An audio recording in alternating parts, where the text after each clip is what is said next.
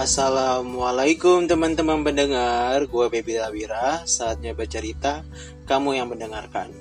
Sebelum membahas episode kali ini, gue mau bilang semoga hari ini kalian sehat dan lancar ya aktivitasnya. Jangan lupa berdoa ya sebelum memulai segala sesuatunya. Kalau yang Islam, Bismillah. Oke teman-teman, episode kali ini gue akan membahas tentang first love. Di mana first love kali ini adalah sedikit unik yang pernah gue alamin teman-teman sebenarnya gue udah ngerekod ya panjang-panjang ternyata nggak masuk. Aduh sebenarnya gue gak mau cerita ini sih cuma kayak share aja gitu. Karena gue pertama kali bikin podcast terus gue ngerekornya pakai handphone. Itu udah 26 menit ternyata nggak masuk. Bete nggak tuh? Males gak tuh? Gila parah banget kan ya? Yaudah tapi nggak apa-apa teman-teman. Buat kalian gak akan ada namanya kata menyerah untuk memberikan suatu episode atau memberikan suatu bukan pencerahan tapi sharing gitu teman-teman. Karena gue sempat suka sharing gitu.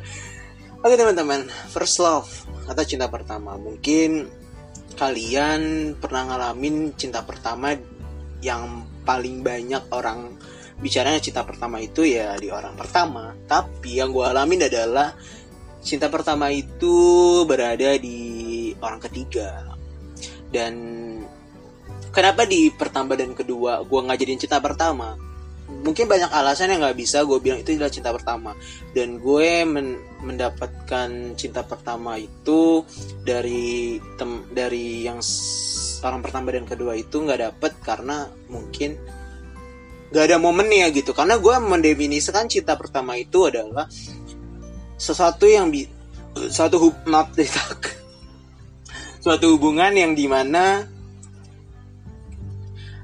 menjalin dengan penuh makna. Jadi menjalin satu hubungan yang sampai sekarang kita dapetin efeknya dan kita bisa apa ya kita gina kita gunain dan sebagai apa sebagai standar kita untuk bisa mendapatkan seperti apa yang kita mau bukan berarti kita gimana gitu bukan kita memilih tapi mungkin mungkin memilih kalau cara fisik gue nggak setuju tapi kalau secara mungkin kenyamanan dalam kita kan kenyamanan dalam diri kita gitu dalam diri gue gitu gue butuh itu. Dan mungkin itu sangat dipentingkan. Karena kalau kita menjalin suatu hubungan tapi tidak dengan menggunakan hati tidak dengan kenyamanan ya percuma kayak lo pakai baju bagus tapi nggak nyaman ujung-ujungnya dilepas juga walaupun bagus. Walaupun emang lo pakai pasti lo bakal ngerasa uh, risih entah lo ngerasa berasa kayak aduh gue nggak enak banget nih gitu ya tapi tetap dikuatkin tapi pada ujungnya dilepas juga dan walau dan walaupun nggak bagus bajunya tapi nyaman adem ya tetap dipakai terus setiap hari atau setiap hari lo pakai tanpa dicuci jorok jadi boketek. Gitu teman-teman. Jadi seperti itu ya cinta tuh seperti itu. Jadi uh, segala sesuatunya penting uh, nyaman dan um, apa jadi uh, banyak pelajaran dan momen yang bisa kita dapatkan di kemudian hari. Atau bisa kita kita ambil untuk di kemudian hari gitu teman-teman. Dan seperti itu. Dan gua dan akhirnya gue mau menceritakan first love ini gue sungguh sebenarnya itu udah resah gue dari dulu. Akhirnya ada podcast ini akhirnya gue mau menceritakan uh, tapi gue tidak akan menyebut nama tapi, uh, eh, mungkin menyebut kota dan lahirnya dia. Kemungkinan teman-teman sebagian teman gue ada yang tahu yang mau dengerin teman-teman gue mungkin tahu siapa tapi kalau yang nggak tahu ya udah cukup dengerin ceritanya aja gitu. Kan oke teman-teman berawal dari saat itu ketika gue masih SMA kelas 1 ketemu dia. Terus gue ketemu dia waktu itu di Facebook di Facebook dia nge-text gue duluan. Gue juga pernah kepo ke dia. Gue ngepo kayak sepupu gue ngenalin gitu. Pep uh, ini loh ada temen gue uh, namanya si uh, ya? Novi misalkan gue sebut lah nama samarnya Novi. Si Novi ini uh, cantik ya Pep? Iya cantik loh Chinese gitu bilang cantik. Dan ini teman lo gue bilang gitu kan ke sepupu gue. Iya ini teman gue gue bilang gitu. Oh gitu. Kayak gue awalnya cuma ya lihat aja pengen tahu oh, ini temannya dia gitu kan. Akhirnya di ketika tanpa gue mikir gitu kan dia nge-text gue di Facebook. Kan dulu masih zaman ada teks uh, online gak sih? Kayak dulu tuh Facebook kan sekarang juga masih ya online gitu. Jadi dia nge-text gue di Facebook. Nge hi terus gue balas. Akhirnya kita ngobrol-ngobrol-ngobrol cerita dan soal soal dari apa pun gitu. Dia cerita pokok cerita tentang apa pun. Akhirnya kita move ke waktu itu masih zaman tuh SMS belum WhatsApp kayaknya. Dulu dulu kayaknya SMS sama Facebook. Dulu tuh udah dari situ kita sering SMS-an terus ngobrol banyak. Dan akhirnya pada suatu ketika kita mau ketemu eh kita ngobrol ketemu ketemu waktu itu gue ketemu dia di waktu itu di sekolah gue. Jadi dia nemenin gue nemenin gue tuh ngambil rapat bayangan kalau nggak salah rapat bayangan tekan kelas gitu. Dan akhirnya gue ngajak dia dan gue kenalin teman-teman gue dan teman gue shock gitu ngeliatnya. Ini beneran pacar? Ada bilang ini kan gue ini kakak lo gitu kan. Padahal emang dia cantik dan emang dewasa sih mukanya dan secara pemikiran emang dewasa juga gitu dan dari situ gue kenalin teman-teman gue dan sepitas doang teman-teman gue lihat pacar gue gila lo Chinese gitu kan. Dan akhirnya setelah itu udah gue mau bawa ke rumah tapi di momen di mana gue ngerasa takut gue ke rumah karena nyokap gue pernah bilang kalau gue tuh nggak boleh pacaran saat itu karena gue tuh fokus sekolah dan kayak awas aja loh ya kalau pacaran gitu. Kayak udah ngancem gitu udah ngancem banget parah udah ngancem. Terus kayak iya iya mang gak, gak, pacaran gue udah gitu kan. Tapi gimana dong gue ada cewek yang mau sama gue cantik pula gitu kan Chinese. Siapa yang gak mau gitu kan baik pula dewasa dan pokoknya inner beauty-nya ada face beauty-nya juga deh udahlah pokoknya the best lah ya teman-teman. Setelah itu udah bawa ke rumah. Udah udah pikir udah negatif nih kan udah negatif. Udah kayak aduh gimana nih? Gue pasti marah-marah lah. Udah pasti gue akan digebukin nih gitu kan zaman gue udah itu dicaci maki nih gue pas gue bawa dia ke rumah. Ngobrol lah dia sama nyokap gue. Nyokap gue seneng. Kaget dong gue langsung kayak serius nih nyokap gue ngobrol sama dia gitu kan beneran kayak nih gitu kayak ah masa sih? Gue bilang gitu gue udah mikirnya udah gitu aja kan kayak gue ngerasa kayak mimpi gitu gue ngerasa kayak ini nggak nyata nih gitu kayak gitu, gitu. Ternyata nyokap gue sangat deket dan dia nggak mungkin adalah solusinya adalah buat lo, lo nih yang udah punya pacar dan gak deket sama nyokap lo. Kalau bisa pacar lo selalu sama nyokap lo ngobrol.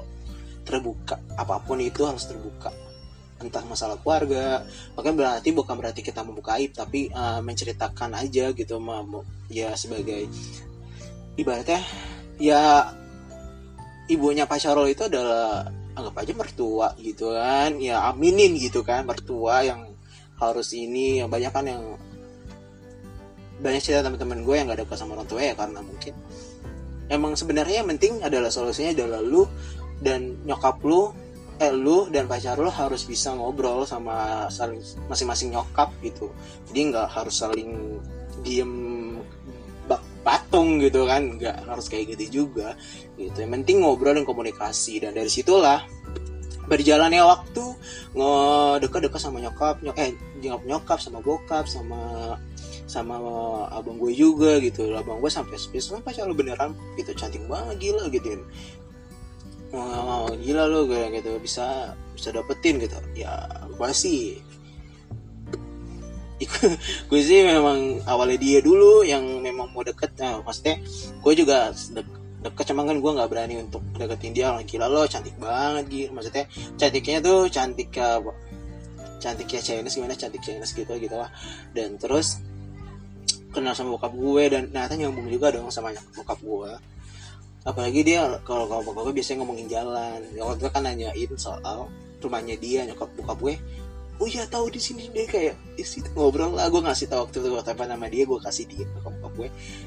Ngobrol lah situ dia enak banget kan. Di situ gue ngerasa kayak gila net keluarga gue kayak sangat sangat deket banget sama dia. Gue sampai benar-benar kayak kaget dong. Kayak benar-benar nggak sesuai ekspektasi yang gue pikirin yang bakal begini bikin tat pasti begini dan ekspektasinya maksudnya nggak sesuai ekspektasi dalam arti yang ekspektasi yang gue pikirin negatif gitu tapi ini dapetnya positif gitu dan dari situlah berjalan waktu terus ngobrol pokoknya kita ngomongin masa depan lah ngomongin pokoknya lebih ke karakter apa hmm, bahas-bahas yang mungkin lebih emang layaknya pacar jadi kita kayak layaknya teman juga sih gitu jadi bener-bener kita nggak nggak nggak sekadar kayak pacar eh kamu udah makan belum? Gitu. Nggak gitu tapi bener-bener kita teleponan atau setan bener-bener nanyain kabar. Kalau telepon biasanya nanyain kabar dan eh, seperti biasanya. Tapi kalau di telepon kita benar-benar ngomongin segala macam yang bisa gue ambil. Di situ gue banyak belajar tentang dia dan pokoknya gila deh sih yang gue sangat-sangat um, sampai sekarang tuh masih ingat banget gitu apa aja yang momen yang bisa gue dapetin saat itu sama dia. Momen dan arti momen yang Oke ntar gue ceritain di beberapa momen yang bisa gue dapetin sama dia. Terus setelah itu berjalannya waktu akhirnya kita putus. Putusnya agak sedikit menyeh-menyeh cuma masalah gue nilai gue peringkat gue turun. Dari 3 ke 5 terus gue nyuekin dia. Dia nelfonin gue terus karena nggak ada kabar. Waktu gue sedih banget dong nangis ya kan? Anak-anak sok pinter gitu kan kayak nangis gitu terus terus setelah itu uh, akhirnya memutuskan gue untuk angkat dia. Dan gue nangis tuh kan dong. Gue cerita ke dia terus kayak yuk akhirnya dia ngasih motivasi motivasi motivasi ke gue dan akhirnya gue kayak oke okay, gitu. Tapi gue tetap nggak mau larut tetap larut dalam kesedihan gue karena gue emang gak terima waktu itu gue bisa pernah peringkat di LA kan. Udah gue juga dulu waktu SMP peringkat gue kagak bagus-bagus amat ya kan. Mungkin karena first time kali ya gue bisa dapetin peringkat yang tiga terus bisa berharap bisa satu gitu kan. Akhirnya setelah itu gue uh, putus putus dan setelah putus itu kita pernah dekat pernah dekat. Masih dekat masih masih masih dekat. Tapi nggak kayak dulu gitu. Ketemu juga masih tapi nggak kayak dulu juga. Kayak ya masih masih dekat dekat. Ya masih berharap lah. Anak masa dia masih berharap gue juga masih harap tapi nggak berani ngomong. Ya udah cuma deket ngobrol terus main ke rumah ngobrol sama nyokap lagi. Ya biasanya lah seperti itu. Dan pada pada akhirnya kita lost kontak dia hilang nggak tahu ke mana. Instagram dia ada Facebook ada tapi dia nggak pernah mainin. Nggak tahu kenapa. Mungkin dia butuh nggak tahu kenapa ya gue juga bingung. Dan mungkin dia udah melupakan gue kali ya. Mesti udah berusaha untuk melupain gue tapi gue nya nggak bisa juga gitu. Pada dulu tuh uh, dia punya janji bukan punya janji sih. Dia pengen banget waktu itu masih zamannya sawah tuh masih di perut kan mau ngelahirin lah tuh waktu itu tahun berapa ya Sawa lahir tuh 2013 kayaknya. Ah Januari 2013 dia katanya mau datang jungit Sawa di rumah sakit tapi sampai sekarang nggak ada. Sampai Sawa umur lima tahun pun lima tahun nggak ada. Bukan berarti gue gimana ya? Gimana gimana gitu. Tapi ya gak apa-apa sih dia juga nggak ini cuma berharap sih dia datang silaturahmi juga ke rumah ketemu Salwa kan udah gede gitu. Tapi dengan dengan kata lain gue dalam keadaan tidak tidak berharap lagi. Kenapa? Karena dia sudah berkeluarga dan sudah punya anak sih katanya dan anak satu kalau nggak salah tapi kata itu kata sepupu gue kan teman sekelasnya dia dan ya udah gue waktu itu sempat malu sih katanya sempat nggak stalking kayak dia udah punya anak awalnya masih ragu gitu tapi pas tahu ternyata sepupu gue memberikan suatu pertanyaan pernyataan dan memberi informasi bahwa dia sudah menikah dan yaudah gue nggak nggak ngerasa bahwa gimana ya ya udah gue mendoakan aja sih semoga dia sekitar sakinah mawadah warohmah dan semoga uh, keluarganya di, uh, dia punya keluarga kecil yang selalu diberkahi oleh Tuhan Allah subhanahu atau Allah subhanahu wa taala dan ya semoga dia menikah dengan seiman ya. Dan semoga iman Islamnya tetap kuat gitu. Dan nah momen-momen yang saling gue ingat dari dia adalah waktu itu pas ulang tahun gue ingat banget. 4 November 1996 kan lahirnya dia. Uh, waktu itu 4 November eh 4 November lagi 10 10 November 2019 eh 1996 ah apa sih ini gue kacau jadi 96 dia lahir itu dan gue waktu itu ulang tahunnya dia kayak pas pacaran eh 2012 dia ulang tahun. Ulang tahun ke berapa ya? Ke 16 kayaknya deh 16 gue ngasih kado Tahu kado gue apa? Al-Quran sama tasbih.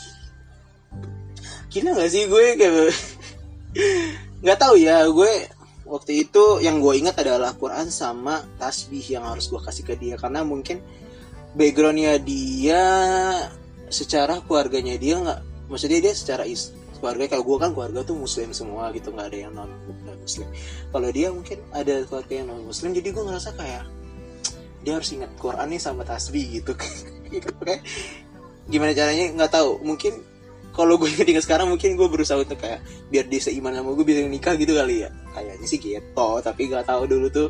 Mikirnya udah gitu aja gitu dan pada saat itulah momen itu gue ngerasa ngasih itu kado tapi waktu itu ngasihnya gue gimana ya? Kayaknya lewat baik sepupu gue sih jadi pas udah gue kasih terus gue nanya ke sepupu gue waktu itu gue jalan-jalan ke Anyar ketemu sepupu gue gue cerita gimana kado gue dia gimana? Senang gak gini-gini. Dia dia senang katanya gini-gini. Alhamdulillah gue bilang gitu kan. Ya udah akhirnya dari situ uh, seneng lah gue bisa diterima sama dia dan gue kayak liburan gue sangat pada itu Kanyer ya sangat senang dan tidak ada beban apa pun. Gitu dan setelah itu dan yang kedua itu momennya uh, waktu telepon sih. Pokoknya waktu itu momennya di telepon dia ngasih nasihat ke gue eh kita cerita soal masa depan. Tak kalau kita nikah gimana? Zaman zamannya dulu yang nggak tahu disebutnya alay atau enggak pada saat itu. Jadi gue nyeritain oh masa depan kita tuh gimana nanti? Kita punya anak gini gini pokoknya gila lah udah udah bahasnya tuh udah dewasa banget. Pokoknya udah bener-bener gokil sih udah ngomonginnya itu. Dan di situ gue ngerasa banyak pelajaran yang bisa gue ambil dari dia saat ngobrol-ngobrol saat itu. Pokoknya banyak yang sekarang gue masih gue pakai. Gue selalu ingat itu apa pesan-pesan dia. Terus yang ketiga adalah ketika kayak ini sangat-sangat gue selalu inget sih. Ketika gue sholat dia selalu ngingetin gue ini tadi gue sempat ceritakan jadi dia tuh ngingetin gue kalau kamu sholat kalau bisa dia ternyata kaki. Gitu biar sunnah sunnah nabi gitu jadi seperti di bawah mata kaki gitu. Waktu itu gue nggak tahu alasannya kenapa tapi gue ikutin gitu ikutin dia dan yaudah kayak senang aja kayak ih diingetin loh. Itu satu hal yang gue nggak tahu gitu dapetin gitu. Terus dia ngingetin gila loh berarti dia, dia lebih dong agamanya dari gue kan dari situ gue udah mulai gila nih cewek banget nih dama nih gitu. Dari situlah gue dapat momen yang gak bakal gue lupain. Kayak banyak juga momen-momen cerita yang gak bisa gue ceritain di sini. Tapi yang positif ya teman-teman yang benar-benar itu gue bisa dapet sampai sekarang. Dan kalau gue ceritain dia tuh seperti apa? Dia tuh anaknya sangat kerja keras. Mungkin karena China sekali ya. Gue juga nggak tahu sih. Pokoknya dia anaknya kerja keras banget ingat waktu itu dia udah mau lulus kuliah kan masih kontak juga di kuliah terus eh sempat nge DM juga sih waktu itu. Kuliah sambil kerja gitu kan gue bilang waktu itu kan gue emang kuliah doang. Gue mikir eh, kamu yakin kuliah sambil kerja? Gue bilang gitu. Iya ya aku kan capek lagi mau bayar aku kuliah gitu aku mau bayar kuliah sendiri. Dari situ gue langsung kayak gila nih orang mandiri banget gitu. Gue bener-bener bangga lah sebagai mantan pacar. Punya pacar yang benar-benar bisa mandiri banget dari situ juga anaknya dewasa banget dan gue sangat-sangat apresiat lah sama hidupnya dia dari soal penyakitnya dia dan apa pun itu gue ngerasa bahwa dia anak yang sangat kuat saat itu dan gue tidak bisa menceritakan penyakit dia apa tapi yang pasti dia sangat-sangat membuat gue sangat berinspirasi sangat terinspirasi dengan dia. Gak sekaligus sebagai mantan pacar atau dulu pacar atau sekarang jadi mantan pacar tuh gue sebagai dia adalah inspirasi gue dalam hidup gue dan gue selalu mengingat dia kapan pun walaupun dia udah punya keluarga tapi gue tidak berharap untuk uh, untuk rebut dia lagi dari suaminya. Tapi yang berharap gue adalah gue sangat senang suatu saat ketemu dia dan kita bisa berteman baik gitu dan bisa ngobrol banyak hal lagi gitu. Dan intinya gitu seperti itu sih teman-teman. Jadi cinta pertama gue kenapa gue sebut cinta pertama yang tadi gue ceritain? Karena memang ada di mana momen menurut gue ya itu yang jadi cinta pertama gue bukan berarti cinta, ya mungkin orang menanggapannya cinta pertama ya dari orang pertama. Tapi dari cinta pertama yang mau gue dapetin adalah cinta di mana lo bisa dapetin suatu yang membuat lo ngerasa nyaman. Ngerasa di mana lo ngerasa bahwa ini nih namanya cinta gitu. Ini nih namanya suatu hubungan yang benar-benar gitu loh. Karena definisi gue adalah suatu hubungan itu adalah memberi kenyamanan. Di mana contohnya seperti ini ketika uh, lo memakai baju yang biasa aja tapi lo ngerasa nyaman sampai kapan lo pakai itu gitu. Karena lo nyaman adem gitu karena enak gitu. coba kalau pakai yang bagus tapi itu panas atau nggak nyaman di lo atau sempitan atau apa mungkin orang ngeliatnya enak tapi ternyata gak enak di lu gak enak gitu lo terpaksa gitu. Itu nggak baik juga buat lo. Jadi gimana caranya terbiasa terlihat biasa tapi nyaman seperti itu. Seperti pakai baju kan dan dan juga di, dia menjalin hubungan juga seperti itu loh. Orang terlihat uh, dia tuh biasa aja tapi lo ngerasa nyaman gitu. Lo ngerasa bahwa ada kualitas dari situ dan soal hubungan itu ada kualitasnya gitu. Dan lo mendapatkan pelajaran dari dia dan dia juga dapat pelajaran dari lo jadi saling menguntungkan menguntungkan dalam arti positif ya teman-teman. Dan apa mendapatkan apa ya sebagai teman gimana sih lo lo berteman sama orang? Kayak udah teman dekat kayak gitu. Jadi pacaran tuh harus kayak gitu. Jadi pacaran tuh nggak kita pacar lo pacar gue gitu. Jadi kalau kata pacar aja bisa menjarak. Tapi kalau lo menganggap pacar juga sekaligus teman sahabat atau keluarga juga saudara gitu. Jadi nggak akan ada yang menjarak. Jadi kita pun juga memberi suatu hal yang salah eh maksudnya memberikan uh, nasehat jadinya bukan menggurui. Jadi kalau lo salah lo dinasehatin bukan digurui gitu. Kayak gitu. Jadi tidak lebih mencodong ke melarang tapi lebih ke mengingatkan seperti itu. Jadi seperti itu teman-teman hubungan yang kalau menurut gue secara sehatnya seperti itu. Dan semoga teman-teman uh, bisa ambil pelajaran dari situ yang bisa gue pakai mungkin saran gue ya bukan gue memberitahu tapi memberi saran atau memberikan sharing lah ke teman-teman. Mungkin yang lagi sekarang lagi uh, apa bingung masalah perasaan dan gimana pun ya inti kunci adalah nyaman teman-teman. Nyaman sama pokoknya dia membuat lo berkesan berkesan sama walaupun lo udah putus apa pun. Pokoknya apa pun statusnya penting dia dalam memberikan nyaman dan, dan itu jadi karak jadi jadi kadar hidup kadar cinta lo untuk ke orang selanjutnya. Jadi bukan berarti memilih tapi sebagai untuk lo ngerasa bahwa gue harus kayak gue harus temuin seorang kayak dia gitu. Mungkin nggak sama semua orang begitu tapi minimal yang dasarnya gitu. Kayak misalkan bertanggung jawab mandiri dewasa seperti itu. Yang dasar-dasar lah seperti itu. Dan uh, menganggap bahwa dia punya visi bahwa suatu hubungan itu nggak sekedar batas pacaran gitu. Itu menurut gue itu dasar sih yang harus uh, bisa berteman dan segala macam. Menurut gue itu harus harus dapetin yang orang seperti itu misinya. Jadi kita juga harus punya visi dan misi satu sama lain. Terus tujuan kita apa untuk menjalin suatu hubungan? Terus uh, nanti efeknya ke depannya seperti apa? Atau bagaimana? Jadi segala sesuatunya lebih jelas gitu teman-teman. Gitu nah kalau misalkan kalian juga ngerasa bahwa dia sangat perfect tapi ternyata kalian uh, apa putus gitu. Ya jangan jangan kalau bisa jangan putus hubungan sih. Sayang kalau bisa kalian bisa berteman. Nah no namanya jodoh kita nggak ada tahu kan? Gitu teman-teman. Udah sih itu aja dari gue. Dan sebenarnya gue udah di gue lagi sebenarnya gue udah ngerekord panjang 26 menitan. Jadi gue ngasih sampai batas 23 aja pokoknya 24an udah gitu aja teman-teman. Semoga teman-teman yang uh, mendapatkan cinta yang kalian menurut kalian itu adalah apa? Pokoknya kalian momennya itu dia tuh gila. Pokoknya dapat satu momen yang kalian gak bisa lupain. Itu pertahankan mantan kita atau pacar mantan pacar. Kalau bisa kalian yang seperti itu kalian harus bisa tetap berkomunikasi apalagi teman mata pacar yang pacar atau pacar kalian yang suka sharing atau pokoknya pemikirannya ke depan lah gitu. Pokoknya pertahankan lah jangan sampai putus hubungan kayak gue sangat disayangkan gitu. Sampai kita nggak bisa tahu kabar sekarang gitu. Sampai gue tahu kabar dia dan nikah aja dari gue kan. Itu jadi sangat sangat sangat disayang karena gue tipe kalnya dia eh, kalau gue tipe kalnya adalah nggak bisa kalau dia baik gue nggak bisa dong nggak melakukan dia dengan baik juga gitu. Jadi gue harus membalas itu gitu. Ya semoga next kemudian hari gue bisa ketemu dia dan bisa bersapa dan ngobrol sama dia dengan sebagai batasnya teman dan gak ada perasaan lagi gitu.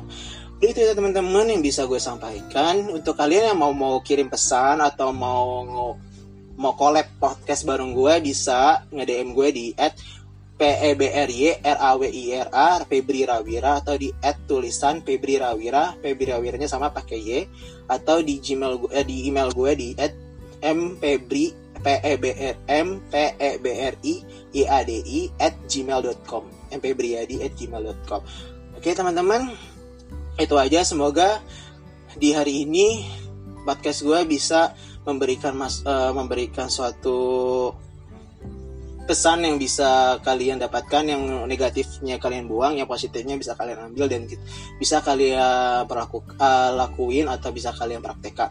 Udah itu aja teman-teman. Sampai ketemu di next episode. Assalamualaikum warahmatullahi wabarakatuh